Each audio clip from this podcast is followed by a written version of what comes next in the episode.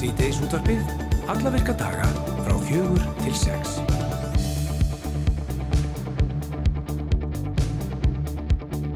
Já, við bjóðum góðan dag hér í Sýteis útvarpinu á Rás 2 með ykkur í dag, Guðrún Dís Emilsdóttir og Hulda G. Geistóttir. Já, við ætlum að taka eitt og annað fyrir í dag. Hulda mín, við ætlum að uh, fjalla aðeins um græna orku en við heyrðum í Guðlaug Þór Þórðarsinu umhverjusorku og loftlagsráþara í síðustu viku. Það var stættur í Berlín og þar var jarðhitta viðburður sem heitir Our Climate Futures og uh, það var markmið með þessum viðburði að kynna íslenskar orkulösnir fyrir þýskum fyrirtækjum og stjórnendum og Ísland var fengið til að leiða þetta en það náttúrulega er við framarlega í Jú, og við ætlum að fá til okkar á eftir en að Nótt Torberg fórstöðumann Grænvangs uh, og við ætlum að fara svona aðeins yfir hvaða orkulösnir þarna voru kynntar og, og hvert til dæmis framhaldið er. Og kannski líka aðeins bara forveitnast um Grænvang. Já, við ætlum líka að spá aðeins í fastegnamarkaðin en í Hagsjá landsbankan er greint frá því að íbúðaverð á höfuborgarsvæðinu hafi hækkað um 0,7% á milli apríl og mæ og að vísitalan hafi nú hækkað fjóra mánuði í röð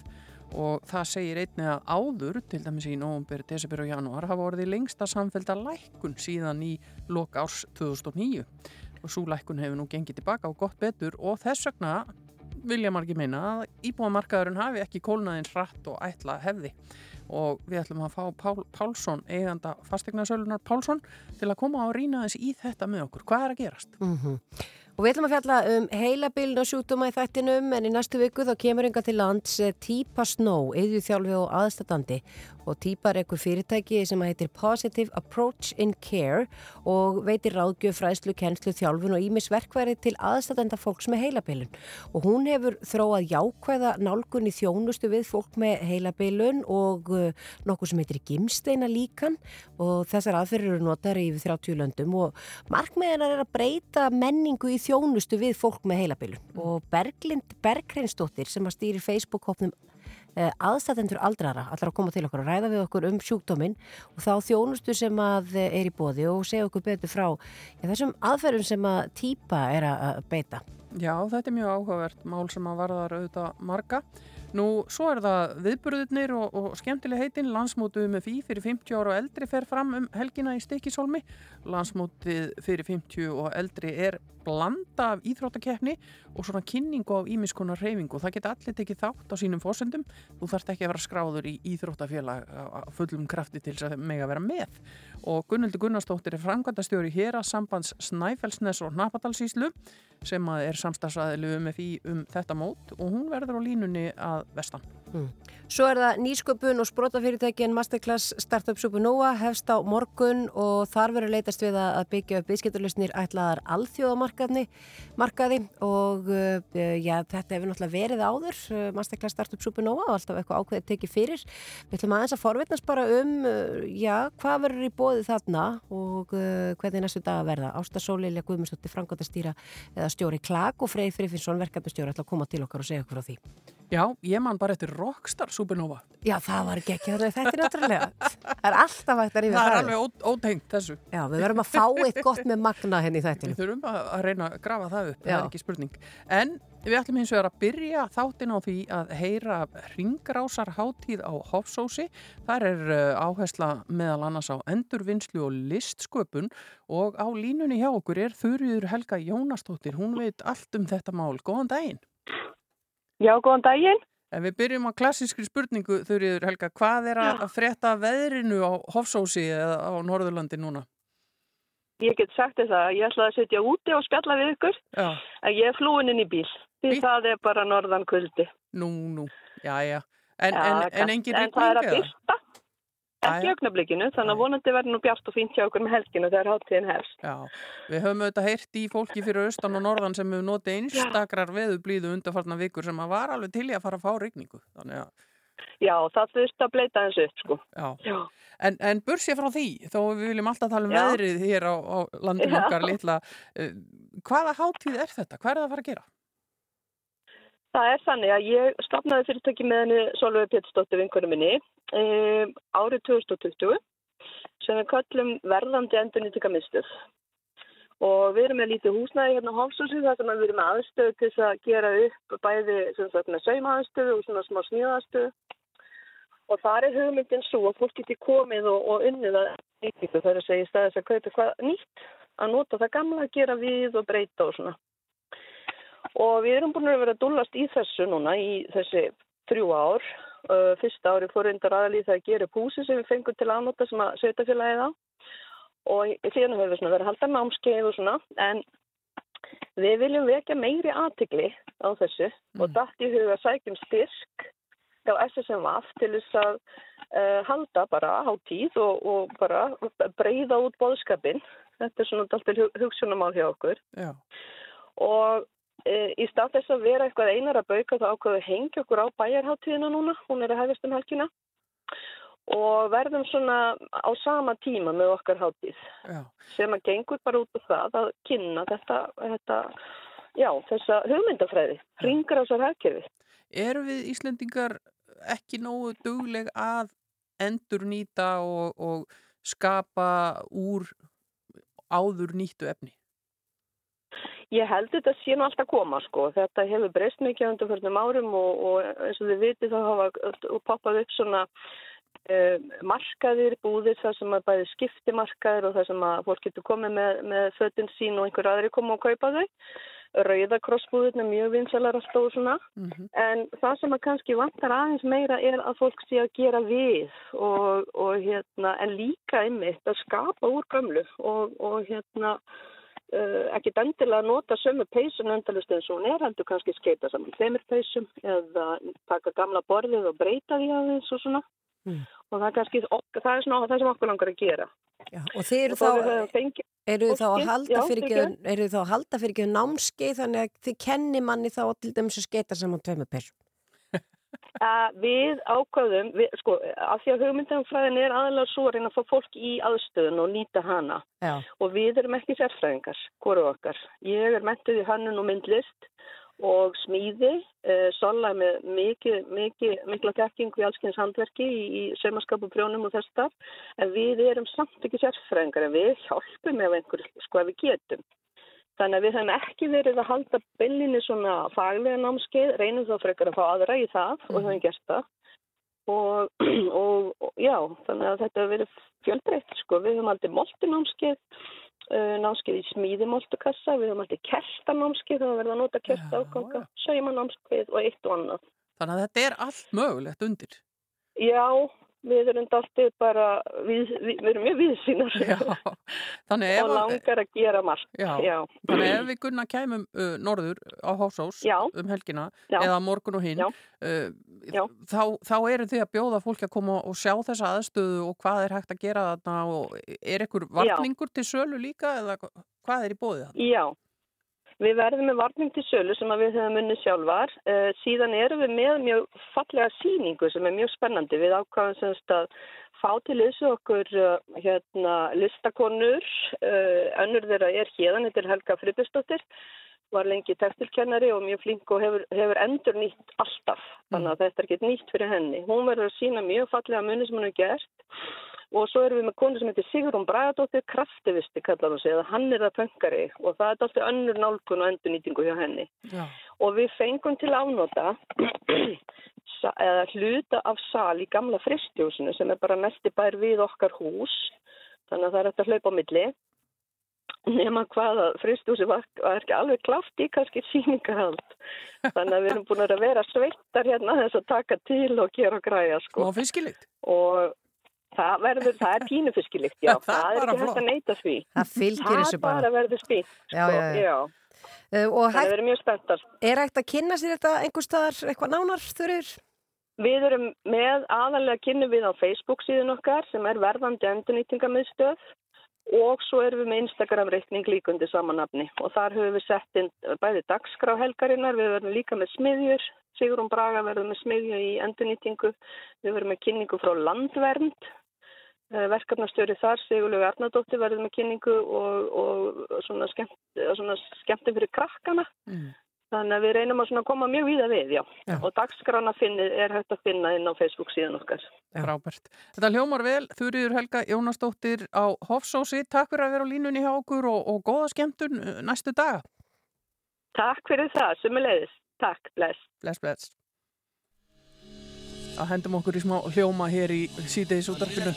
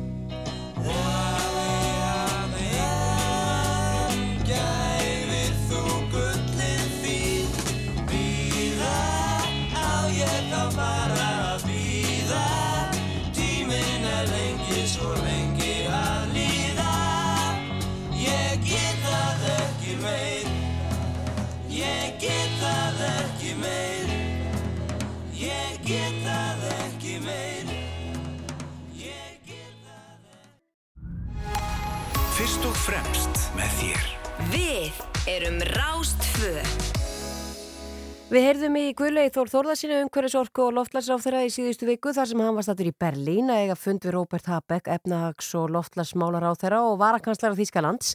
Auk þess sem að Guðlaugur var þarna á jarðhita viðburðinum Our Climate Future. Aðal markmiðið með þeim viðburði var að kynna íslenskar orkulöstnir fyrir þýskum fyrirtækjum og stjórnendum og uh, var Ísland fengið til þess að leiða þetta. Því eins og Guðlaugur hafði orða á þá eru þjóðverðar að horfa mikið til Íslands þegar að kemur að framleiðslu grætar orku. En hvaða orkulösnir voru þarna kynntar og hvert getur framaldið orðið? Nótt Torberg fórstöðumadur Grænvangs er hinga komin. Velkomin. Takk fyrir að taka mótið mér. Ég bara takk fyrir að koma. Uh, Þessar orkulösnir þið voru þarna og stóðu meðal annars að þessum viðbyrði. Segðu okkur aðeins frá þessu. Já, sem sagt Our Climate Future er reyla, má ég lega segja, svona orkuþing sem að við stopnum í fyrra og fyrstu viðbyrðum var reyndar haldin í Washington í fyrra og þá fórum við inn á, á svipuðnótum og gerðum í Berlín núna fyrir, fyrir tæpiri viku síðan. En sko markmið með þessum viðbyrði var í raun og veru að leiða saman uh, ákvörnutöku aðla og sérfræðinga á sviði jarðhitta og líka þeirra svona tæknilausna sem að Ísland hefur upp á að bjóða og eiga bara gott samtal við uh, þjóðverja og þeirra framvarðasveit í, í þessum málum um tækifærin. Tækifærin í nýtingu jarðvarmans og tækifærin líka bara í uh, nýtingu þeirra tæknilausna sem við höfum verið að þróa hérna og eru bara gríðarlega spennandi fyrir Evrópu og fleiri þjóðir Já. og sviði kólefnisföngunar og förgunar. En það eru kannski ekki allar þjóðir eins og við sem búa að því að hafa þennan jarðvarma. Geta þjóður er til dæmis nýtt sér slíka lausnir? Þetta er alveg ótrúlega góð og relevant spurninga þegar við horfum bara á stöðun og núna í Þýskalandi þá er náttúrulega staðan er búin, að vera snúin frá því að bara stríði brasta á fyrir einu hálf ári. Það er orku krísa einmitt í, í Evrópu og náttúrulega þjóðverjar finna verulega fyrir því að því að þeir hafa verið að nýta ólí og kól eh, mikið til, jarð, sko, til húshitunar en staðrindin er samt svo að það er sko, mjög mikill jarðvarmi raunverulega í Þýskalandi og víðar í Evrópu. Já, já. og það er mögulega að segja því að sko við náttúrulega þekkjum jarvarman út frá svona okkar háhítasvæðum en líka þessum svona svæðum sem oft eru kölluð þessi köldu svæði sem eru láhítasvæði eða svæði þar sem við höfum verið að rafkinda í dag. Og þar undir og eins og í Evrópu er bara gríðalur hiti ef að boraður eftir honum og þessi beina nýting bara vassins og bara þess sko varma sem er í vatninu sem kemur upp er ótrúlega vermætt núna og hún getur bara að spila mjög stóra rullu í svona þeim orkuskiptum sem að Þískaland stendur frammi fyrir Mhm. og þar erum við náttúrulega bara að horfa á þeir að fara í náttúrulega sólarorkuna og þeir að nýta vindorkuna en jarðvarmin og jarðvarma nýting getur líka bara orðið mjög stór burðarstólpi í þeirra húshitun Já. Og húshitun í Þískalandi hún er um það byl þriðjungur af þeirra orkuþörf og þriðjungur af svona þeirri losun sem að Þískaland er ábyrgt fyrir í gróðrúsa loftegundum og þau ímyndið ykkur bara tækifærin ef við tækjum til og meins fjórðung af þessari sko orkuþörf og myndum geta sko farið í jarðvarma nýtingu og nýtingu á vatninu sem er þarna á svæðinu. Já, aðeins smá útudur að þú varst að tala um þessi köldusvæði eins og hér á Íslandi. Menna, væri möguleiki fyrir þau að nýta einhvern jarðvarma? Já, nefnilega- það er nefnilega einmitt málið að sko í raunni ef maður borar eftir, eftir hérna jarðvarma þá það bara fer eftir hversu djúftur raunvolulega þarf að fara en það eru svæði til dæmis í kringum bara stóra borgir eins og München þar sem er jarðvarmi til staðar. Hann er vissulega, það er ekki sami hiti og hér hér á Íslandi en hann er þess eðlis að með við bara tækni lausnirnar og þær framfarir sem hafa orði í dag í svona stýringu og nýtingu uh, og svona hérna framkvæmt hittaveitu kerfa í dag þá er hann nýtanlegur og getur vel nýst til dæmis í svona samspili við til dæmis hitapumpur og svona jarvarmapumpur þar sem er verið að nýta líka bara hitan úr, úr lof, loftinu og, og tempra saman. Já. Þannig að, að sko tækifærið er gríðastort fyrir Þískaland og það er einmitt þess vegna sem að rúmlega 200 manns komu til þess að eiga þetta samtal við okkur og við finnum það bara virkilega að það er ofsalegur áhugi núna af því að þetta er eh, ekki bara lofslagsverkefni, eh, þetta er líka bara þjóðar örgismál Já. að koma þessum málum í betri farveg Já, og verða, ekki- verða Akkurat, verið ekki háður einhverjum öðrum. Já, og vera ekki háður og það er náttúrulega bara, við búum að einstakri sögu við Íslandingar, við tókum þessi skref fyrir mörgum áratugum en þá snerist það líka að miklu leiti um bara aðgengi að Já. orku og hérna, og þetta var náttúrulega stórt skref upp á bara svona öryggis, bara sjálfstæðis uh, hérna, já, Nú hafa stjórnvöld eh, verið með, þetta er svona samvinna stjórnvalda og atvinnulífsins í, í, í þessu grænvánsverkefni. Er mikilvægt að stjórnvöld fari með þessi mál? Ég meina orkumálinn varð okkur öll og við höfum alltaf, við heyrum þessar sögur af fólki sem að, já það að enga væða fyrirtækin og verðið hækkar og allt þetta. Hvernig er svona framtíðarsýnin í þessu? Akkurat, þetta er algjörlega, þetta er líkil spurning vegna þess að og eiginlega svari við þessari spurningu er að sko við erum öll saman í þessari vegferð, hvort sem að það eru stjórnvöld eða atvinnulíf eða samfélagið. Eh, við ætlum að leysa þessi mál og við verðum að leysa þessi mál bara næstu tvo áratugina.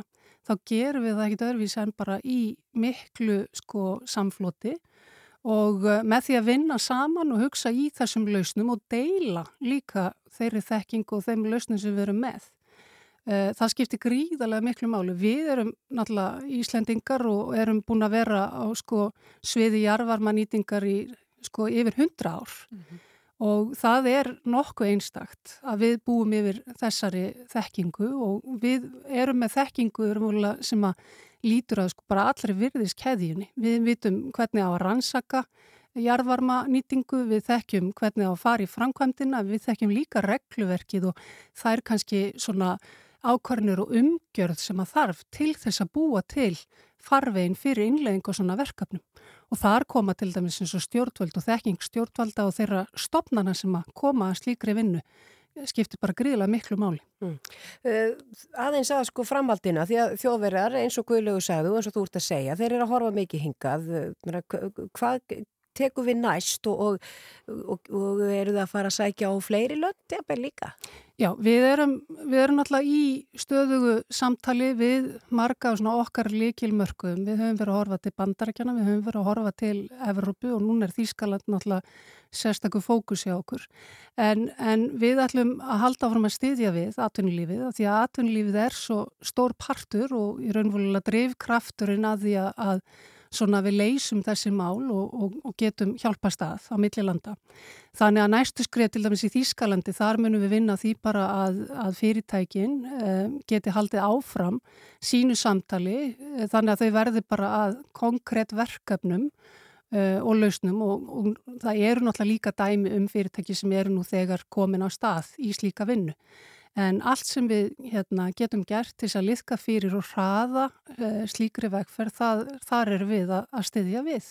En eru við Íslandingar á einhvern nátt einstök í þessari nýtingu okkar á jarðvarma? Er einhver sambarileg dæmi í öðrum löndum um slíka nýtingu? Sko jarðvarmi er nýttur, ég myndi segja, sko ekki á þessum skala. Sko Íslandingar er fyrsta þjóðin í heiminum sem að innleir má ég lega segja hýtaveitu á stórun skala eins og var gert hérna í Reykjavík í kringu 1930 og það er einstakt.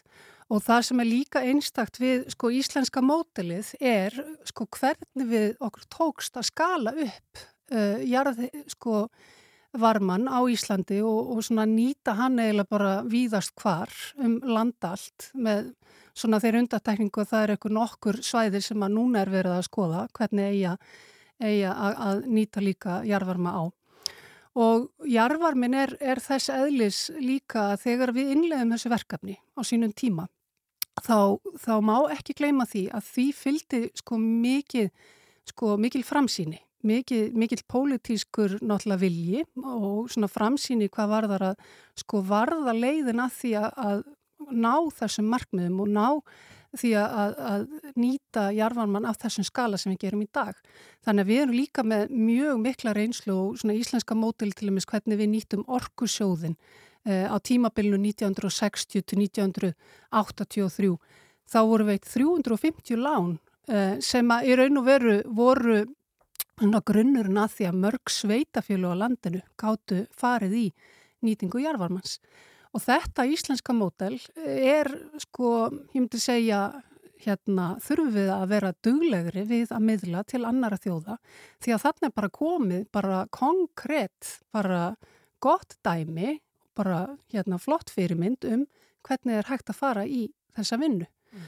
Auðvitað er svona stygsmunur á því, sko, af, af hvað formi jarðvarmin er En þekkingin sem er hérna til staðar og þessi fyrirtæki sem hafa verið að starfa á sviði jarvarma hérna á Íslandi, þau geta starfað út um allan heim og deilt sinni þekkingu og reynslu við nýtingu jarvarmans. Já, þetta er ótrúlega framsýnið. Maður hugsa út í það að það er fólk fætt á milli 1920 og 30 sem var að fæðast í Torkofum, en, mm -hmm. en þetta var allavega að verða að tekna þetta bara 1930. Já, þetta er alveg frábært og, og ég held að við áttum okkur ekki alltaf á því, kannski fyrir en við flytjum einhvert annað þegar fólk fyrir utan í námið að flytja til annar landa, hversu mikil lífskeiði félast í nákamlega þessu. Já, akkurat. Það verið spennandi að fylgjast áfram með þessu og gangi ykkur óskaplega vel hjá Grænvangi, Nótt Torberg, fórstuðum með Grænvangs. Takk fyrir. Ég barist á móti vindi. Þannig lífið er En nú er ég stattur hér Já. Og það leikur allt í lindi Þakka fyrir það Ég er góðum stað á Því að ég er sáttur Að hafa náð. Hinga leiðin þyrnum var stráð Oftast nær tóks mér samt að segra Ég hafði ráð Hjá mér, hjá mér, hjá mér. Þú ótt að elska þig eins og þú ert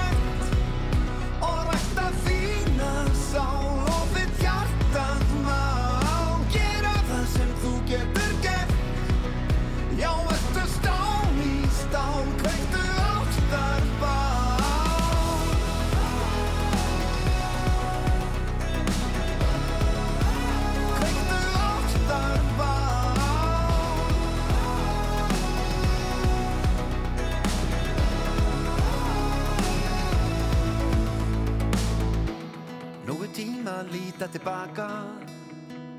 Lært af öllu hef Þér ég reynslu mín að gef Já, því að nógu er að taka. Tilgang hefur allt og það bjargast alltaf. Því að ég er sáttur að hafa náð. Hinga leiðin fyrnum að stráð. Oftast nær tókst mér samt að sigra.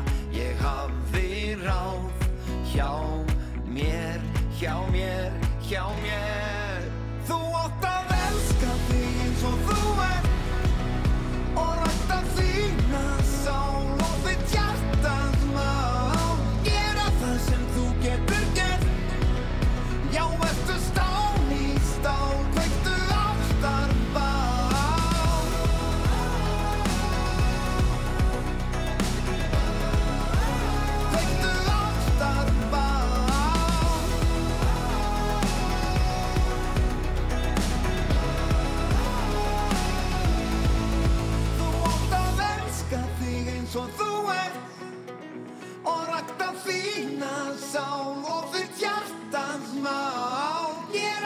sem þú getur gert. Já, ertu stál í stál,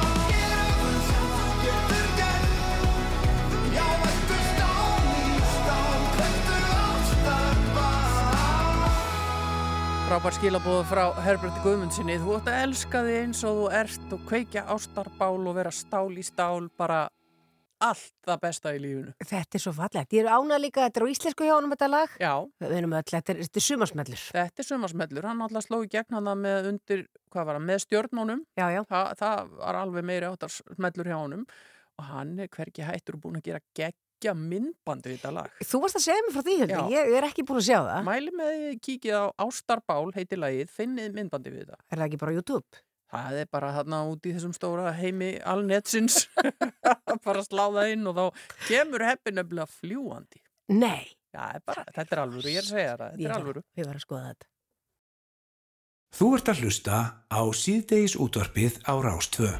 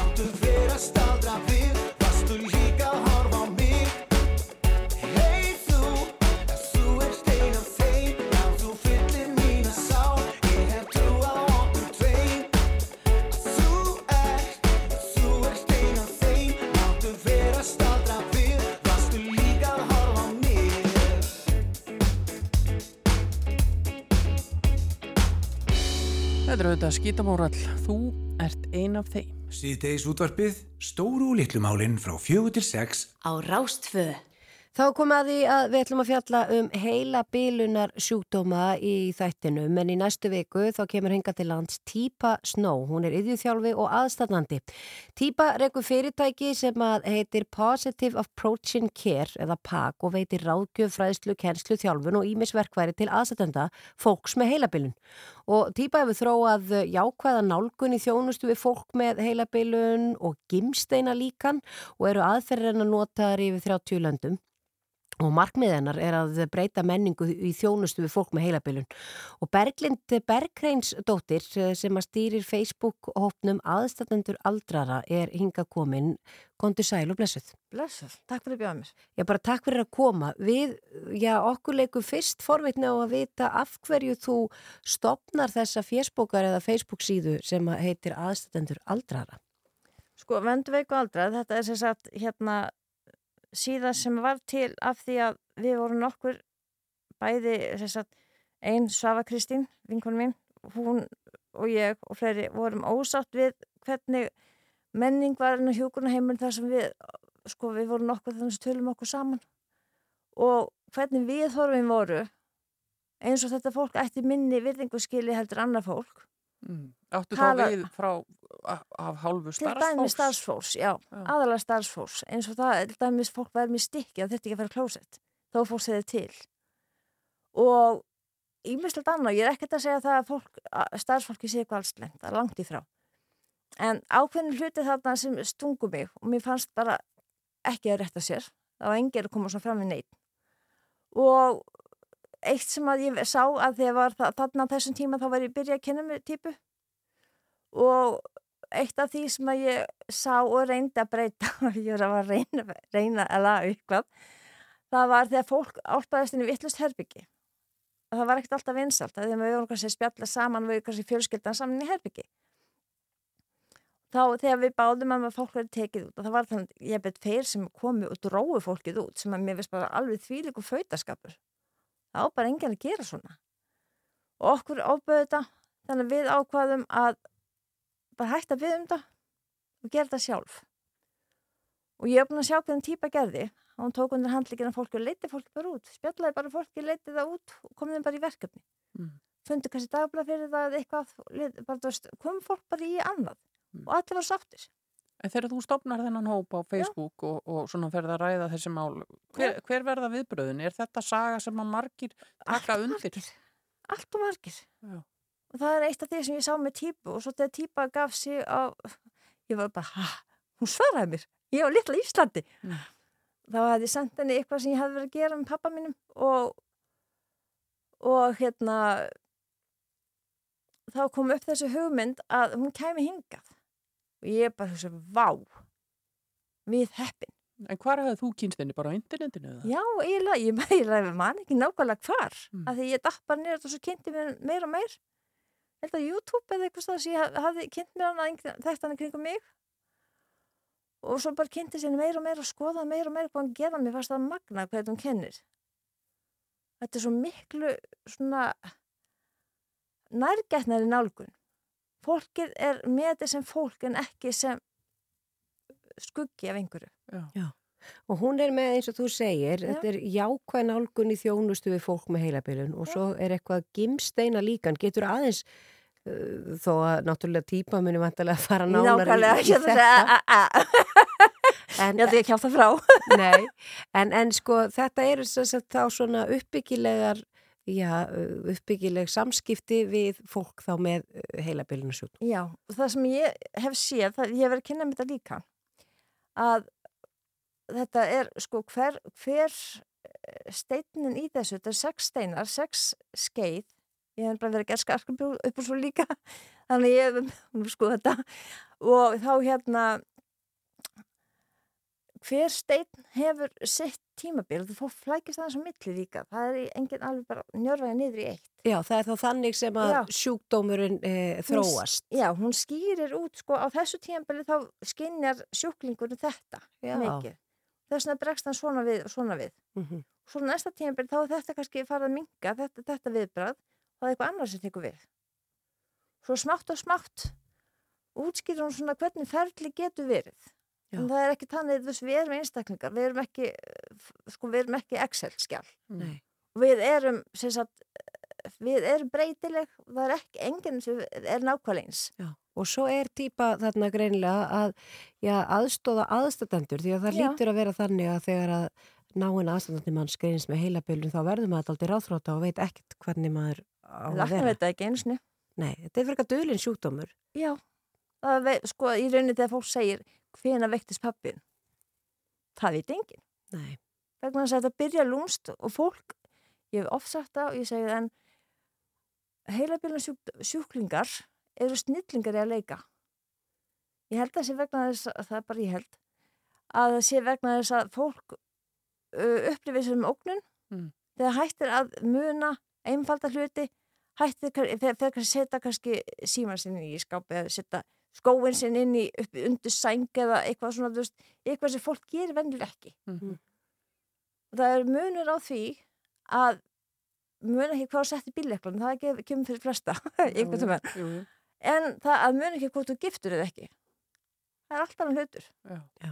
En þú kemur að þessu sem aðstandandi og, og, og tengist inn í þessi mál þannig. Já. Er þessi fræðsla hennar uh, fyrst og fremst miðu við aðstandendur eða er þetta eitthvað sem að gæti líka verið gott fyrir starfsfólk já, og Það bara svona- kannski alla eins og þú segir? já, ég raunir gott fyrir alla að fara á þetta vegna þess að heilabilin ekki, þetta er mjög gott að sko auðvitað miðast það við heilabilin hvað, hvað, sem hún heitir Mm. en þetta er gott fyrir alla að skoða nálgurna Já. Já. bara, þú veist, hvernig við komum fram í hvort annað Já, og þetta sérstaklega, að- þannig að við getum þetta getur nýst bara. þetta getur nýst öllum Þannig að típa er að koma hinga til lands í næstu Já, viku já. og uh, hvað er að bara fræðast meira um, um þetta, uh, þennan fyrirlestur hennar sem hún ætlar að halda? sko inn á, inn á TIX og svo er sagt, já við þetta erum ekki, þetta er bílun að gera þetta svona, ég er bara viss af þessu svona í byrjum síðasta mánuðar við erum búin að vera að hafa sjö vikur til að plana þetta Já. Vennilega tekur þetta nokkra mánuði, Já, við bílun að gera þetta. Þetta er ekki bara svolítið íslenska aðferðin? Jú, jú. já, þetta er rettast Þetta er stötu tími en við hvetjum fólk til þess að fara og kynna sér þetta. Eitt af því sem að ég hérna sko, eitt af því sem er því að kenna að við höfum stöðsum tíma er það að okkur vanda styrki. Okkur langar ógeðslega mikið að hafa streymi. Ég veit ekki hvort það er raunhæft en það er, kostar svakalega pening. Ef einhver stór fyrirtæki er hann úti Mm. þú verður sett lagstu bæn nei ef einhver sér það hjá sér sko að styrkja streymi þá var það rosalega þegið. Og sömu leiðis með veitingar að því ég veit að þegar fólk er að koma á staðin svangt eftir vinnuna við höfum þetta klukkan 5 til þess að fólk hafi tíma til að komast og fæf svo ekkert að borða til nátt að nýju. Það er bara ekki hægt Þetta vonandi réttast allt saman. Já, þetta reddast. Berglinsdóttir sem stýri Facebook-hótnum aðstöndur aldrara. venduveik og aldraða Já, og ert að fá hana típu hinga til lands. Bara Já. takk fyrir komin og gangi ykkur vel með þetta. takk fyrir spjallið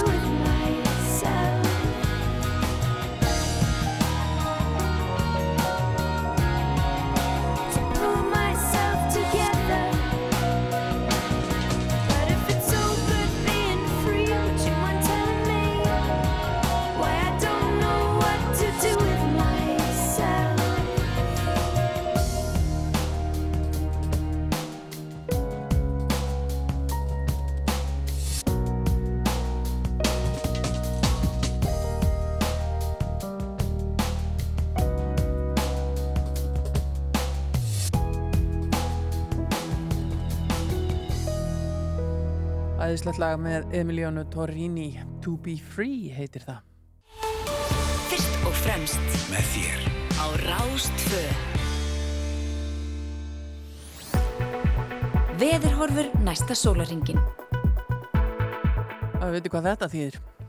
Já, það er veðrið maður og nú brosa allir hér á suðvesturhóttinu og ég veit ekkert hvernig fólki í öðrum landslutu líður. Nei, en það segir hér uh, veðurhorfur á landinu eru vestlæg eða breytilega átt 3-10 metrar á sekundu skíjað og smá skúrir á stökustad en bjart veður suðvestan og vestanlands hiti á bylunu 6-19 stig hlýjast á Suðurlandi.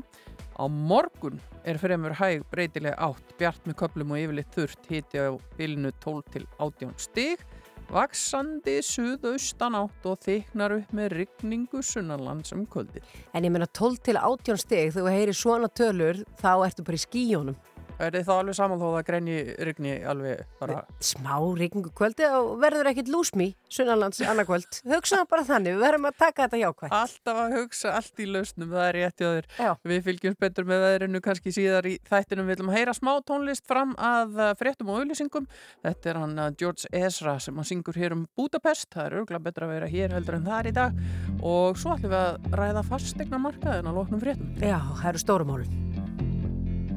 My house in Budapest, my, my hidden treasure chest, golden grand piano, my beauty focus EOU. Oh, ooh, you, ooh, I'd leave it all. My acres of land I've achieved. It may be hard for you to stop and believe, but for you, ooh, you, ooh, I'd leave it all. For you, ooh, you, ooh, it all. And give me one good reason why I should never make a change.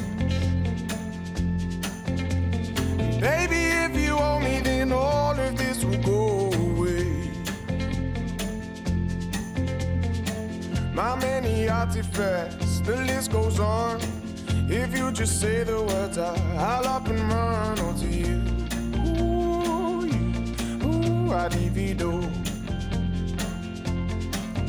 Over you, ooh, ooh, I divido. Give me one good reason why I should never make a change. Baby, if you owe me, then all of this will go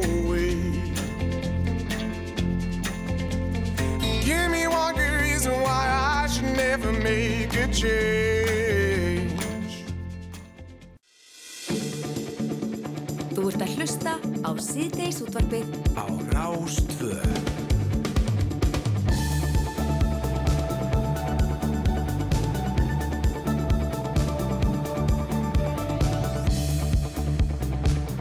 Og við ætlum að ræða fastegnamarkaði næstu mínúturnar en í Hagsjá landsbankans er greint frá því að íbúið að verða á höfuborgarsæðinu hefur hækkað um 0,7% milli april og mæ og að vísitalinn hafi nú hækkað fjóra mánuði í röð. Þar segir einnig að áður, það er í november, desember og janúar hafi orðið lengsta samfældalækkun íbúið að verðs síðan í loka ásins 2009 og lækkurinn hafi nú þá gengið tilbaka og gott betur og því ótt að segja að íbúamarkaðurinn hafi ekki kólnað eins uh, hratt og uh, já, ætla hefði mátt og við erum með góða mannina hjá okkur Haran Pál Pálsson, eigandi fastegnarsölunar Pálsson, kontur sætla blessaður Sæla stelpur. Já, hvað er að frétta uh, á þessum fastegnamarkaði? Svolítið svona, þetta er fín samantækt sem maður að Já, lesa. þetta er bara komið. Já, takk fyrir mig. Nei, sko, salan er minni. En sko, það voru að seljast svona meðaltali tæpar 1100 eignin á mánuði á sama tími fyrra. Mhm. Það er að segja svolítið svona fyrir vakst á verðbólkahækkanir. Nú er að seljast nú 700, 770 eignir að meðaltala mánuði. Mm. Þú veist, þetta er alls ekki dáið eða neitt svo lis. Uh, hækkanir, það eru örlitlar hækkanir, það er endur óvinnilega skrítnar hækkanir og mikla hækkanir á sérbílum. Þið sjáu það að sko meðal sala á sérbílum í februar, hérna á höfuborgarsvæðinu var í kringum 106 miljónir, en núna í síðasta mánu var í kringum 118 miljónir. Þannig að sérbílinn hafa verið að hækka. Það er náttúrulega kannski ekki rosa margi samningur á bakvið það. En hvað skýrir það?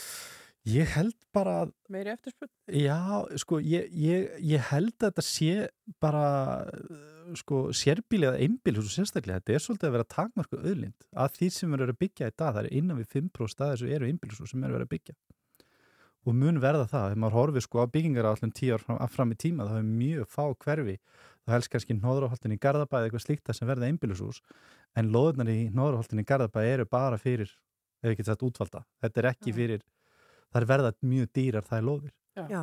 þannig að hérna Þannig að fólk er að hugsa bara fram í tíman, þetta er, er unni auðlind sem að tæmist hér og við þurfum að negla okkur á einbílshús núna ef við ætlum einhvern tíma að eignast einbílshús. hugsanlega er einhver svoleiðs hugsun í gangi Mm. en uh, almennt er, jújú, jú, auðvitað fólk alltaf að hugsa hversu mikil svirði eignið þess er og svo framvegis en flestir eru náttúrulega bara að byggja sér upp heimili Já. og eru kannski ekki að hugsa frá degi til dags í og svona mikið eða þess að þetta er ekki hagnaður sem þú getur innleist og leikið er fyrir að þetta er bara bundið í fastegn sem þú býrið í Já, og ef þú selur þá þarftu vantilega að búa ykkur þar annars þar að kaupa eitthvað annað. Akkurat, akkurat. En það eru sko, ég meina 87% af öllum eignum til dæmis er að seljast á eða undir auðlustu verði. Ekki 40, 50, 60% sem voru að seljast yfir auðlustu verði. Uh, kaupendur í dag, veist, meðal sala í dag er upp á cirka 61 miljón. Meðal aldurinni til dæmis í kringum 31 ás um 26-7% af þeir sem eru að kaupa eru fyrstu kaupendur, þannig að það er ennþá frekar hátt hlutvallega svona meiri heldur en ég átti von á þannig að ef ég get sagt það sko að svona markarinn er svona nokkuð stöður og ég myndi segja normal. Þú veist það eru svona um 2000 eignir til sölu á markanum í dag á höfubrökkusvæðinu og það er að seljast á höfubrökkusvæðinu svona um svona 400-450 eignir á mánuði. Já. En tala, talandi um sérbílin og einbílin, er Já. þessi já, svona gamli góði draumur sem að ég allavega ég ólst upp við að maður Mm. horfði bara á venjulegt fólk kaupa sér lóð og byggja sér hús með berum höndum akkurat. uh, er nota gardínur sem Já, hurðar og allt það- þetta gleymum og því gerir nú þetta í ekki. áfengum sko. já, já, og bara já. fílt teppi á gólfinu og, og, og, svona allt gert bara hægt og bítandi eftir Einmitt. efnum og aðstæðum er, er þetta útiloka orði í dag fyrir bara venjulegt fólk? eins og staðan er núna af því að lóðaframbúðið er svo rosalega lítið að þá er það bara þannig Já. og það er það sem alveg saman hvort þessi Sælabankin, samtökuðinaris, hagfræðingar alveg saman hvað fagaðela sem að tala um, tala við og heyrir í, í fjölmjölum að það er allir á sama, sama máli að vandamáli er lóðaskortur. Það er ekki verið að gefa út nógu margar lóðir og það er ekki verið að byggja nóg og, uh, og þess vegna hefur svona, ég hef ekki ágjör ástandinu núna, nú gengur bara svona eðlilega, þetta er alltaf við erum að skrýða út úr veist, það er ekki búið að vera nefnum 6% árshækkun á fastegnaverði sem því það, það er svona að því að hvatin að hækka allir með þessi vexti var svo að fastegnaverði var að hækka alltaf hratt. En það sem ég meira ágjör aðeins það sem að er framöndan sko, bara 25, 26, 27, 28 Mm. þannig að okkur er að fjölga alveg gríðarlega mikið um þúsund manns á næstu eitt og hálft ár Já, farða aðeins yfir þessa mynd með Já. okkur. Okkur er að fjölga mjög mikið. Já. Það er ekki verið að byggja nóg. Það vantar lóðir. Já. Hvernig á markaðurinn annað eh, en eftir en að bara hækka aftur alveg? Ég meina, ég, ég hef meiri ágjur af því sem koma skal þegar, þegar vextur og verðbólka fara niður og og þá muni koma einhver hólskefla fólki Já. sem býður átekta núna og líka sko bara fyrstu kaupendur það er að segja kannski árgangarnir frá 95 til 99 sem eru kannski vennilega að kaupa sinni fyrstegni núna mjög stór hlut af því maður er að halda sinni höndum eða bara kemst reynleiki gegnum greiðslumat Mm. þetta er hópu sem býður eftir að komast inn á markaðin líka sem er ekki að komast á markaðin og fyrir utan það að þessi, fól, þessi fólksfjöldi sem er að flytja til landsins sem er náttúrulega mikið til náttúrulega bara vinnuafl þú veist þjónustu byggingageran, ferðarþjónustun og svo framvegis. Og hvað eru hvað, 50-60 þúsund útlendingar í Íslandi og þeir eru að spáða þeir með fjölga um 80 þúsund á Í næstu fjórun til fimm árum skiljiði, Já. þannig að sko og það er svona hugsa maður, þú veist, það eru einhverja 800 íbúðir sem eru að koma markaðin eða eru komnar á markaðin sem eru afhendur á þessu ári, nýbyggingar. Uh, reyndar kom uh, kom frétt í gær um að þeir ætla að byggja einhverja 2000-2500 íbúður til leigu, inn á leigumarkaðin prófið bara að auðvisa íbúðin eitthvað til leigu eða íbúð vin ykkar, gerið það nú greiða og setja símónum með það og þeir getur nú ekki að fullt af hugmyndum. En hérna þetta verður nýjasta prakkarastríki en sko þið munum fá svona bilu 100 til 150 fyrirspurni bara Já. að leigu þetta meina það er mikil neyð. Það er það. Bara á markanum. Já. Og það er út af, sko, þe- þetta er svolítið svona ekki á hænan aðstæða, sko, þú veist. Verktakar eiga erfitt með að byggja vegna þess að þeir eru kannski með þann ótta um það að sitja uppi með lager og fjármarskostnaðurinn er mikill. Og þetta minni mig til dæmis 2018-19 þess að við upplifum svona ekkert ólíka óvissu, það er og veru það var hann að váer fór á hausinn, það var loðnubrestur það var uh, hérna verkföll og fólk held að sér höndum og hérna þó að má fara rauk fyrir því að það var góðu tími til að kaupa þá og mögulega eru við kannski þannig tímapunkti núna að það sé góðu tími til að kaupa en þetta gefur mér smá vonir að þessi, þessi yfirlýsingi geri að yfirlýsingar samningur um það að þetta fara að byggja hérna einhverjar 2000-2500 leiðuýbúðir Mm. það gæti, það gæti komið í vekk fyrir það sem við vonum öll að, að það verði ekki einhver brjálaslega hækkun á fastinumarkaði þegar þessu tímabili með vextu verðbólguna líkur. Já. Á sama tíma, ég sá viðtal við borgarstjóraðum daginn, það sem hann var statur elendis og eitthvað svona borgarráðstefnu og hann var að tala um svona áætlaða fjölgun í borgum og það, eftir vistmörg ári yrðu bara, maður ekki hvað 80 pluss prósent íbúa sem vilja búa í borgum Já, já. Eh, á sama tíma höfum við þó séð fólk bara færa sig út fyrir höfuborgarsvæði til að komast í húsnæði. Hvern, hvernig heldur að þetta muni tróast? Ég, ég held þetta muni halda áfram að þróast eins og þetta hefur svolítið þróast. Ég fann að líta svolítið á sko stórhöfuborgarsvæðið sem sko Akranes, Selfoss og Reykjanes. Það, þannig er ég fann að líta bara á hvað þetta er bara nýtt stórhöfuborgarsvæði Mhm. og, uh, og besti möguleikin til að komast inn í sérbíli á sangjörnu verði er að fara einmitt aðeins út í bæ.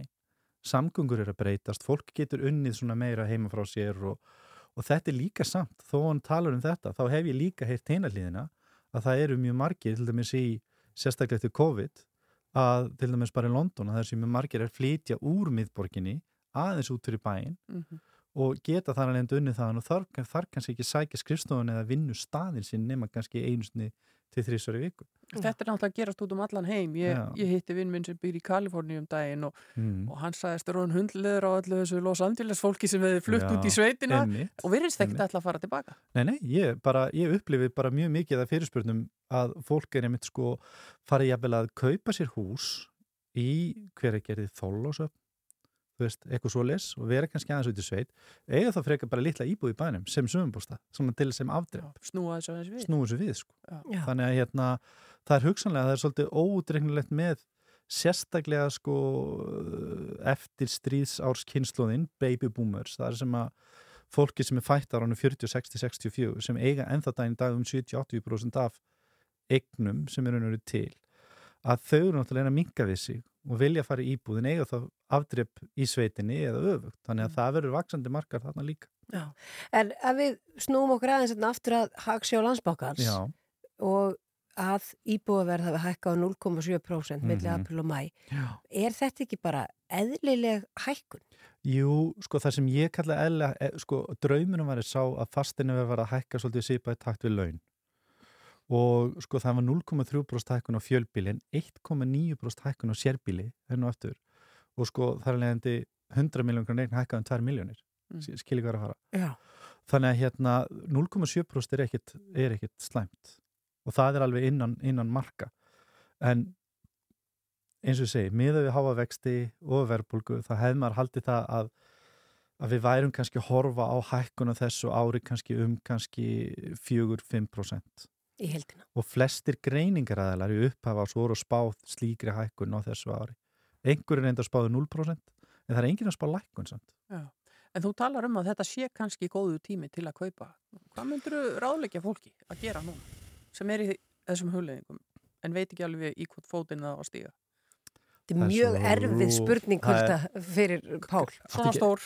átti ekki einhver aðra spurningu en það, hún er rosalega persónabundin Já. þú veist, alveg svakalega persónabundin uh, ég sko ég er á þeirri skoðun og munið það, þetta er náttúrulega skoðun hún, ég þarf ekki að hafa rétti að ránt fyrir mér af því að þessi tími minni mér svo svakalega mikið á 2018-2019 og ég veit það bara, þeir sem keftu þá þeir náðu sér góða hækkun á árunum sem koma eftir Mm. og muniði að frá aldamótum þá hefur fastegnin verið hækkandi hæ- sko Íslandi hækkaði meðaltali tæp 10% á ári yfir þetta langt tímabil.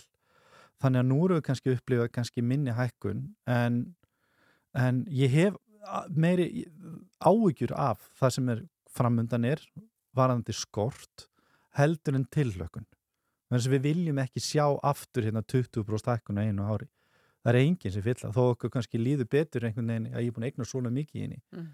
en þetta er rosalega persónubundi hvað fólk á að gera. Veist, þannig að hvort á að kaupa. En ef ég væri ungur aðli og ég myndi þá reyna að koma inn á markaðin sem fyrst ef maður væri að kaupa svona fyrstu, fyrstu Já.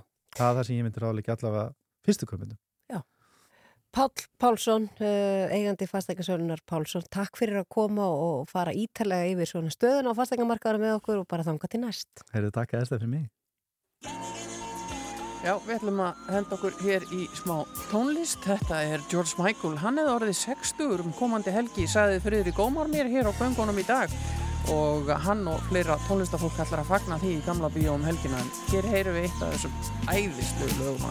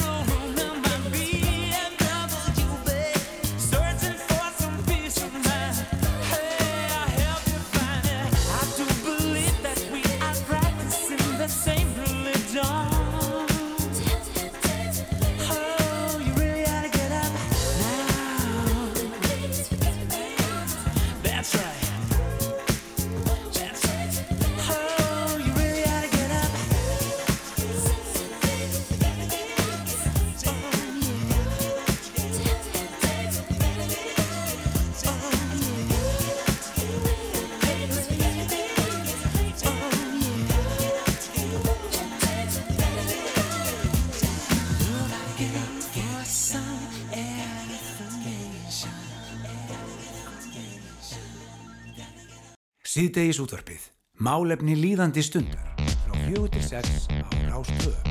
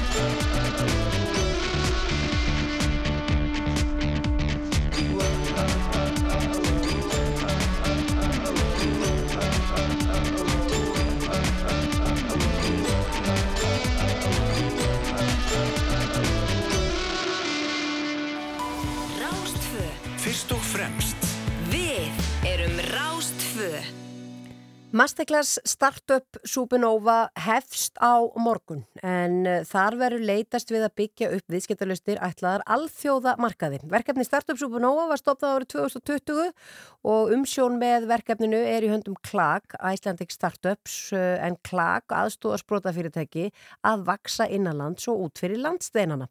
Og það er nú reynda komið fólk hérna í klófið sem veit miklu meira um þetta huldaheldur en ég þótt að ég sé svona þusaðins um þetta hérna. og það eru þau Ástasólileg Guðmundsdóttir, hún er framkvæmtastjóri KLAG og Freyr Friðinsson verkefnastjóri. Bara velkomin. Takk til að fyrir.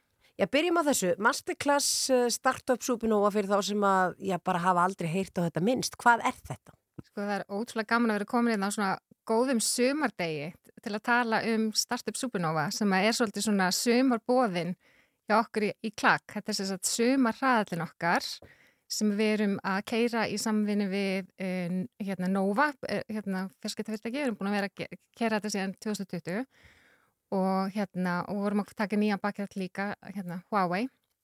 En hérna en sem sagt þetta hraðallin sjálf eð, eð, þetta verkefni byrjar á morgun sem sagt með undibúningsnámskeiði sem að við kallum masterclass, tveggja daga hérna pökkuð dagskrá eh, fyrir sprótafyrirtæki sem eru með hugmyndir sem eru allar alþjóðamarkaði sem að geta skalað alþjóðamarkað. Og þetta undirbúinsnámskeið e, þú hérna, getur sótt um að taka þátt í því eða þú verður, til, til þess að geta tekið þátt í ræðlunum að þá verður að byrja því að koma og taka þátt í þessum masterclass námskeiði Já. sem allir getur tekið þátt í. Og það er bara, það er bara að skrá sig. Já. og skráningi líka núna á miðnætti. Og eina sem við byrjum með er bara smá lýsing á hérna, fyrirtækjunu eða hugmyndinni sem það eru með að viljum að fólk sé komið aðeins af stað Mhm. en, en það er ekkert mála að skrá sig og hérna, alveg nægu tími til stefnu En þetta er rosalegu titill, þú veist, bara það er alveg masterclass og það er supernova og allt saman. Þa- Þetta er eitthvað stærra en bara svona venjulegi virkudagar Já, þetta er svona, þetta er okkar eh, við erum yfirleitt með svona viðskiptar hraðalar sem eru oft eh, tengdir ákveðnum geirum eins og við vorum að ljúka við ringiðu sem við að einblýna á fyrirtæki í ringrásar hagkjörinu en þetta er fyrir henni þvert á alla geira en við erum að horfa til einmitt fyrirtæki sem getur skalað út fyrir landstinnana og eru þá rauninni meira kannski eh, hvað er svona fjárfestningahæf fyrirtæki, þetta er svona mesta þetta er mest í svona Silicon Valley típu af hraðli sem við erum með. Já. Og skala út fyrir landstælna. Já. Farið aðeins yfir það með okkur af því að það er örglengur þarna með fullt af hugmyndum í, í kollinum og, og hvernig veit maður að, jú, þessi geta alveg á þeima fyrir landstælna líka. Nei, þessi hugmynd. Náttúrulega það sem við gerum svolítið hjá klag er e, mjög mikið að, hérna, að segja fólki að hugsa stærra og markaðurinn á Íslandi er rosalega lítill markaður sem ég segi þetta sé bara engi markaður jafnvel sko. þannig að er, við erum að reyna að láta fólk horfa aðeins skæti þessi laust virkað á Norðurlöndum til dæmis eða á, í öðrum, á öðrum stöðum og oft talað um þetta hérna eh, en það er rosalega gott að byrja á Íslandi. Þannig að það er svona hugtak sem er nota ég ennsku sletti svo mikið þarna en svona think global act super local. Þú veist að þetta sé hérna, þó að þið sé að byrja að þróa þetta á Íslandi að hugsa samt alltaf frá byrjun gæti þetta virkað á öðrum stöðum heldur en hér. þetta í stóra saminginu þó þú vinnir þetta heima við. Já. Og markmiðið með þessum hraðali er að gera þessi verkefni hérna, hæf til að sækja sér fjármagn frá fjárfestum. Já. Og fjárfestar eins og vísisjóðir, þeir hafa ekki áhuga á því að fjárfesta í sprótahugmyndum sem eru bara innblýna á íslenska marka. Það er bara ekki nógu stór verkefni fyrir slíka fjárfesta. Þannig að, þannig að þessi sprótafyrirtæki verða að hugsa glóbalt frá upphæði og, hérna, og við erum að innblýna á þau verkefni í, í þessum hraðli. Þannig að þegar ég kem inn með mína hugmynd í svona Mhm. verkefni Já. eða svona hraðal, þá fæ ég ykkur að liðsögn um gerð viðskipta áallana eða hvað er það sem að, svona, hver, hver er stuðningurinn? Já, við erum kannski svona mest emitt að hérna, kafa í, úst, ertu, úst, við förum yfir það hérna, svona þarfa greiningu, ertu að leysa raunverulegt vandamál, er, þetta, er þetta vandamál til staðar sem þú ert að leysa Já. Og förum aðeins yfir að hvernig átt að hérna, e, markasetja þetta og förum í bara praktísku atriðin, við erum með skápjöngi til að hjálpa okkur með það, hvernig á bara, bara praktísku atriðin, hvernig átt að hérna, stofna fyrirtæki og allt í tengslu við það. Já, bara hvernig byggir upp teimi, hvernig sækir þér fjármagn, hvernig, hvernig átt að byrja hugsa um, um alþjóðamarkaði, við, við, við bara leiðum því gegnum allt þetta, en, en sem sagt, ef þú ert með flotta hugmynd, þá væri fyrsta skrefið að senda inn lýsingu hugmyndinni fyrir minnandi kvöld, annarkort tíuklari pitstack eða bara eina blaðsíðu, hérna lýsingu hugmyndinni og þá getur við tekið þátt í masterclassinum sem er þetta tveggjata námskeið. Það er ekki skilirði að taka svo, senda svo inn umsóknir hraðalinn sjálfan. Þú getur komið á þetta ókipis námskeið í tvo daga. Þetta er svona krasskors bara í frumkvöla fræðum. Já. Og, og svo hefur við til 9. júli til að ákvæða hvort þú sækir um í, í, í hraðalinn sjálfan. Já. Það eru tíu sæti hraðalinnum þannig að og við erum nú þegar komið ótrúlega margar flottur hugmyndir inn þannig að við veitum að það verður samkeppni um tíu, þessi tíu sæti í hraðalinnum sem byrjar strax, að, svo strax að til Vestlunum helgi. Þannig að 20. júli tilkjörum við hvaða tíu fyrirtæki komast inn í hraðalinn. Já. Síðan hefst hraðalinn sjálfur strax að til Vestlunum helgi og endar með svona fjárfesta degi þar sem að þessi tíu spruttar kynna hugmyndina sína fyrir fjárfestum og þá eru þau náttúrulega búin að fara í gegnum alls konar þjálfun, hérna, búin að móta hugmyndina, oft, oft breytist hugmyndina á leiðinni og, hérna, og síðan er afraksturinn kynntur fyrir fjárfestum. En má þetta vera hvað sem 22. er? Má þetta vera uh, matvæli, tæknilaust, hönnun, fatnaður, bara má þetta vera hvað sem er? Já, þetta getur verið hvað sem er, en, en svona krítirinn er, er að þetta sé eitthvað sem að er auðvelt að fara með á alþjóðamarka. Já. Þannig að svona skalalegt, á alþjóðamarka. Þannig að þetta eru tvei næstu dagar sem að eru þessi kraskúsar og þessi erindi, er ekki Mhm. einhverjir algjörir bara naglar og, og, og, og algjöra bombur að halda erindi? og- heldur betur þetta er, við erum með hérna, hann Guðmundur Fertram hjá Kerisis allar að, hann opnar þetta Já, og hann er nú aldeilis með hérna, reynsla því að Já. skala á alþjóðamarka. Já, gott dæmi um fyrirtæki sem er búið að fara þessa leið. Heldur Já. betur. og þvílíkri siglingu. Þvílíkri og það er einmitt, það er ekki hugbúnaða fyrirtæki þetta er alveg, alveg svoleiðis fyrirtæki eru klárlega Já, alveg það er gjaldgeng sem í þetta. Einmitt, það er að hérna og svo erum við með hérna allar Margrét Tryggvadóttur hérna frá Nova, allar að tala um, um hvernig þú byggir upp gott heimi og svo erum við með hann Tryggva Björn Davísson frá Indo sem allar að segja sína frumkvælusögu hann allar aldrei hérna Bankanum? bank, Mhm. Já, Indo banki. Ekki, ekki banki. Ekki banki. Nei, nei, banki ekki banki. Indur sparisjóður.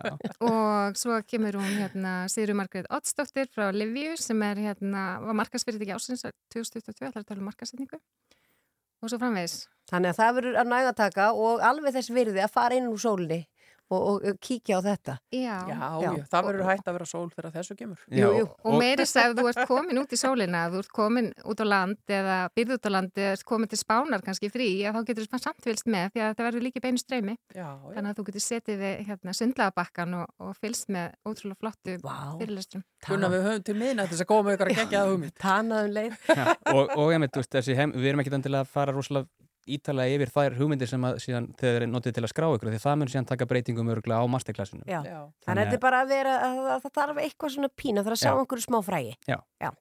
Lýst vel á þetta. Ástasólina Guðmundsdóttir, frangatastjóri, Klag og Freyr Finnsson, verkefnastjóri. Uh, fólk fer inn á hvað? Hvert til þess að... Uh, startupsupernova.is já, já, ok, til að skrá sig geggjart. og þetta er að sjá lýsinguna líka á þessu á, við erum með hérna, Facebook viðbur sem heitir bara Masterclass Startup Supernova og þar verður streymið þannig að hérna, um að gera Tjekka á þessu. skrá sig fyrir minnati Já. Takk kærlega fyrir komin og gangi ykkur vel. Kæra þakkir Takk fyrir Síðdeis útvarpið, alla virka daga frá fjögur til sex.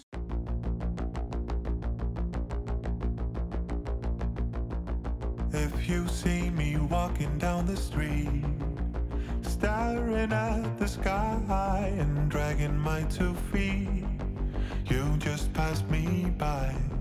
It still makes me cry, but you can make me whole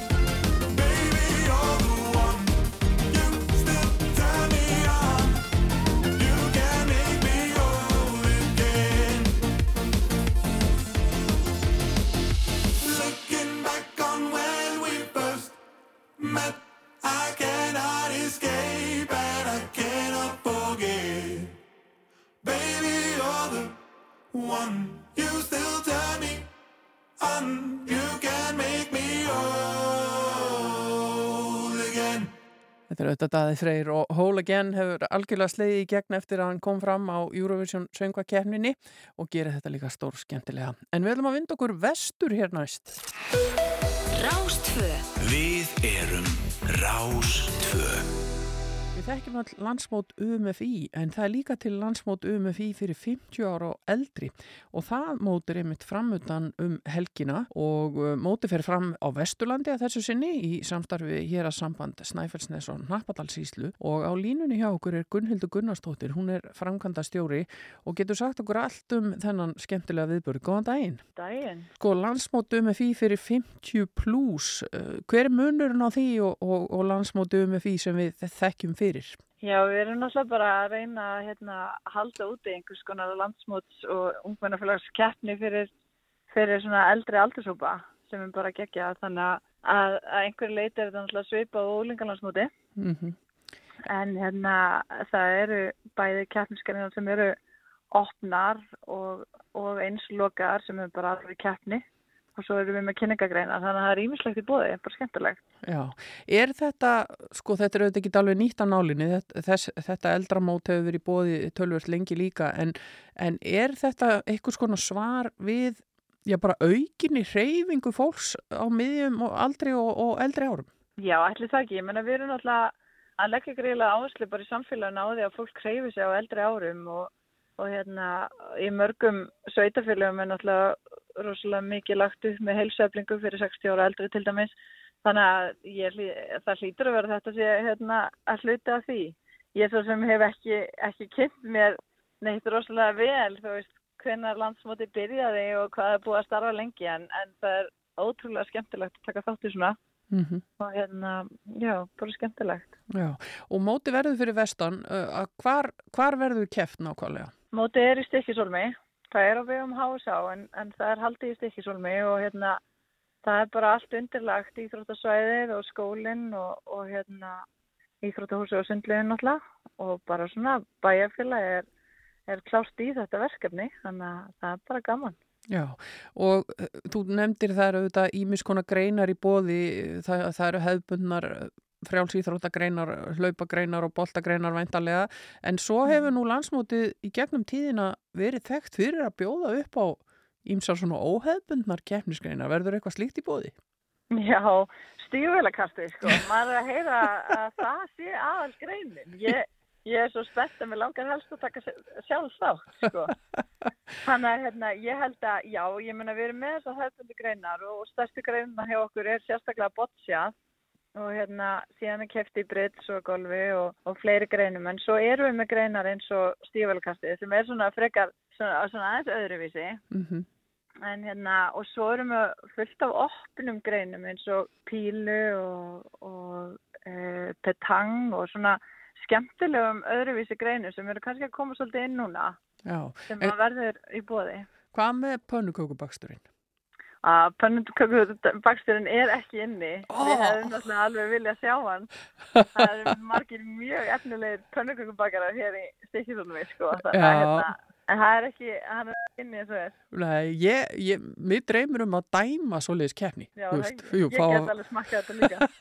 að vera Nákvæmlega. en þegar þú talar um opnar greinar, eru það þá greinar sem þarf ekki að skrási í? Getur þú bara dúkað upp og fara á kefti pílu? Já, það er semst opnar greinar hjá okkur eru til dæmis göturhlaup og hjóluðar þar sem að fólk getur komið og, og hérna skrá sig á staðnum, körfuboltinn og síðan erum við með svona kynningagreinar og það eru pílan, badminton og bortennis og þá erum við með til dæmis Ingibjörg, hérna Íslandsmeistari pílu kemur og, og verður með svona smá kynning og kennslu og, og bara alls konar svoleiðis. Þannig að ég myndi segja að það væri bara ótrúlega margt í bóði, bæði líka bara fyrir fjölskyldur að koma. Ég meina það er ímislegt í bóði fyrir krakkana og þau eru velkomin inn í Íþróttahús og prófa að fara í pílu og, og verið petang hérna fyrir utan og þannig að, þannig að það er bara, það er margt í bóði. Já, ég veit ekki eins og hvað tetang er. Hvað er það? Petang er, er svipar svolítið til boccia, þetta er svona litlar stálkúlur sem að þú ert að kasta í átta einni lítilli kvítri, þannig að hérna, spila á möl og Þannig að það er, maður er að læra ýmislegt nýtt. Já, greinilega. Þetta, þetta er mjög skemmtilegt. En svona bursja frá, frá landsmótinu, hv- hvernig er íþróttalífið á, á, á þessu svæði, þarna Stykkisólmi og nærsveitum? Er, er mikið íþróttalíf? Já, íþróttalífið er náttúrulega, er náttúrulega mikið á þessu svæði. Við hérna í Stykkisólmi erum náttúrulega kannski þekktust fyrir körfuboltan. Það er meiri fótbolti út á nesi og, og hérna, en, en það er ímislegt í gangi og ég var nú bara að taka núna við sem framkvæmtast þér að HSH þannig að draumurum minn er kannski líka að, að búa til svona aðeins meiri samhældni og, og bara svolítið að íta undir þetta og gera þetta svolítið meira á starfa sko, svona á næstu árum. Já, þetta hljómar, hljómar vel. Það er ábyggilega gaman að að kíkja til ykkar í Stekisólm og, og um, eh, kynna sér þetta allt saman, íþróttalífið og ekki síst núnum helgina. Móti byrjar á föstu dag og, og er fram á sunnudag ekki rétt. Jú, það er rétt. Og hvar getur fólk kynnt sér það sem er í bóði? Sko allt um dagskrána og, og annað sem fer fram er náttúrulega inn á heimasíðu UMFI. Þá velur bara 50 pluss landsmóti og dagskrá þar undir. Síðan erum við með þjónustu miðstöðun opnað hérna í Íþrótúsinu bara frá með morgundeginum og þar getur fólk komið og, og hérna kynnt sér og keft sér til dæmis keppnisarbönd eða arband bara í opnar greinar. Við Mm. seljum semst arband í opnar greinar og, og kynningagreinarnar á 2000 þannig að það er bara öllum velkomið að taka þátt og vera með. Já. Og svo er bara bjalla á samband og er eitthvað. Já, og svo auðvitað gleymum því ekki að það er líka auðvitað alveg velkomið fyrir bara áhörfundur að mæta fólk sem langar bara að fara í góðan bíltúr eða kíkja á, á skemmtilega kefnisgreinar. Algjörlega, ég menna stikkisólmur er nú ekki nema tveimur tímum frá, frá höfuborgarsvæðinu þannig að það ætti ekki verið erfitt að hoppa í, í lögdagsbíltúrin eða, eða hvað fólk vil gera og hérna koma og kíkja, það eru líka danski dagar um helgina þannig að Mm. þetta er allt í bland Já. þannig að það verður nóg að vera nóg með að vera í stikkisólmur sko. Já, ég heyri það, ykkur á ekki eftir að leiðast þarna um helgina. Gunnildur Gunnarsdóttir, Frankvandastjóri hér að samband Snæfellsnes og Nappadals síslu. Takk fyrir að gefa þið tíma í undirbúningnum til að vera á línunni hjá okkur hér í sítiðs útarpinu og ég segi bara gangi ykkur vel og góða skemmtun. Já, takk fyrir það. Þú ert að hlusta á Rástfö. Rankan viikko ja paljon pitkiä päiviä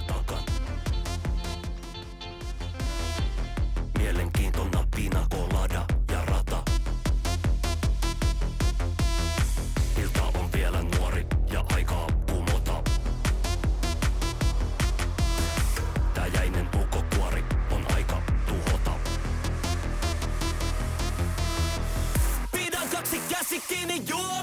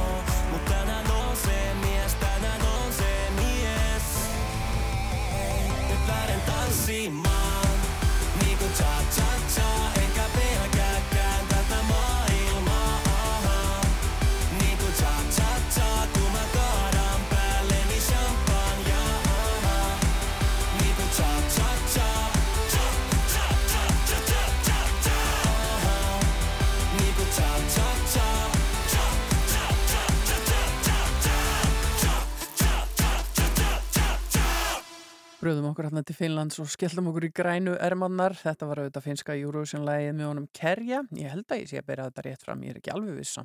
Ég líti á þetta sem finsku útgáðan af Kára og uh, þetta var eiginlega uppáhaldslægi mitt í Eurovision. Ég he- hefði gætna vilja sjá hann vinna þó að mér hefði fundist Loren mjög flott líka.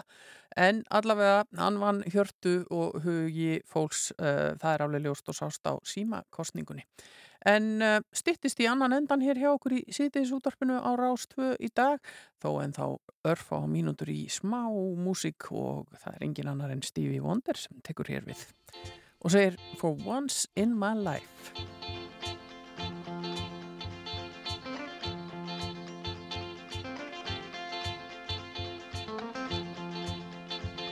For once in my life, I have someone who needs me, someone unafraid, I can go where life leads me. Somehow I know I'll be strong.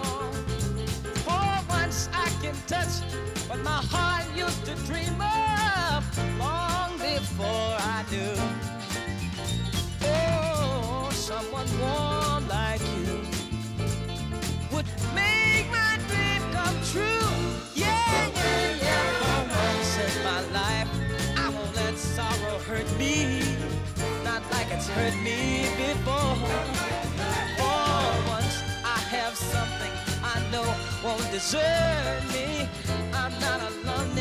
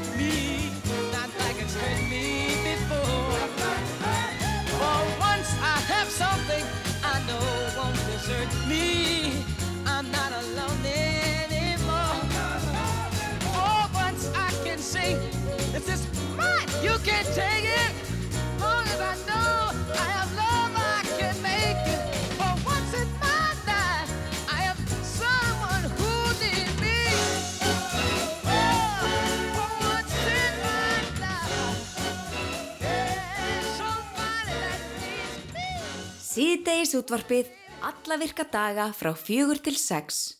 Já, klukkan er alveg að verða sex sem þýðir það að við förum að kveðja hér í sítiðs útarpinu í dag. Ég minni nú bara á Dasgrá Rásar 2 framundan, það eru auðvitað sítiðs fréttir á slæginu klukkan 6 og uh, speilin þar með uh, að þeim loknum er svona létt blönduð tónlist í bóði í eldúsverkonum fram að uh, sjö fréttum í sjónvarpinu sem við sendum út hér á Rás 2 og að loknum sjónvarsfréttum klukkan 19.23 er það kvöldvaktin sem tekur við þáttur sem að engin tónlistarunandi má missa af. Þetta er bara já, allra ferskasti músík þátturinn getur við sagt og þar er allt að finna alls konar tónlist. Nú svo eru frétti 10 í kvöld og svo endur fluttur tónlisti frá því í síðustu viku og uh, svo er það kvöldtónanir að þeim loknum en Hulda Geirsdóttir og Guðrún Dísi Emilsdóttir þakka fyrir sig í síðdeis útvarpin í dag við andri verðum hér á morgun með ykkur og við endum á Helga Bjössinni sem að segir besta útgáfan af mér. Takk fyrir að hlusta.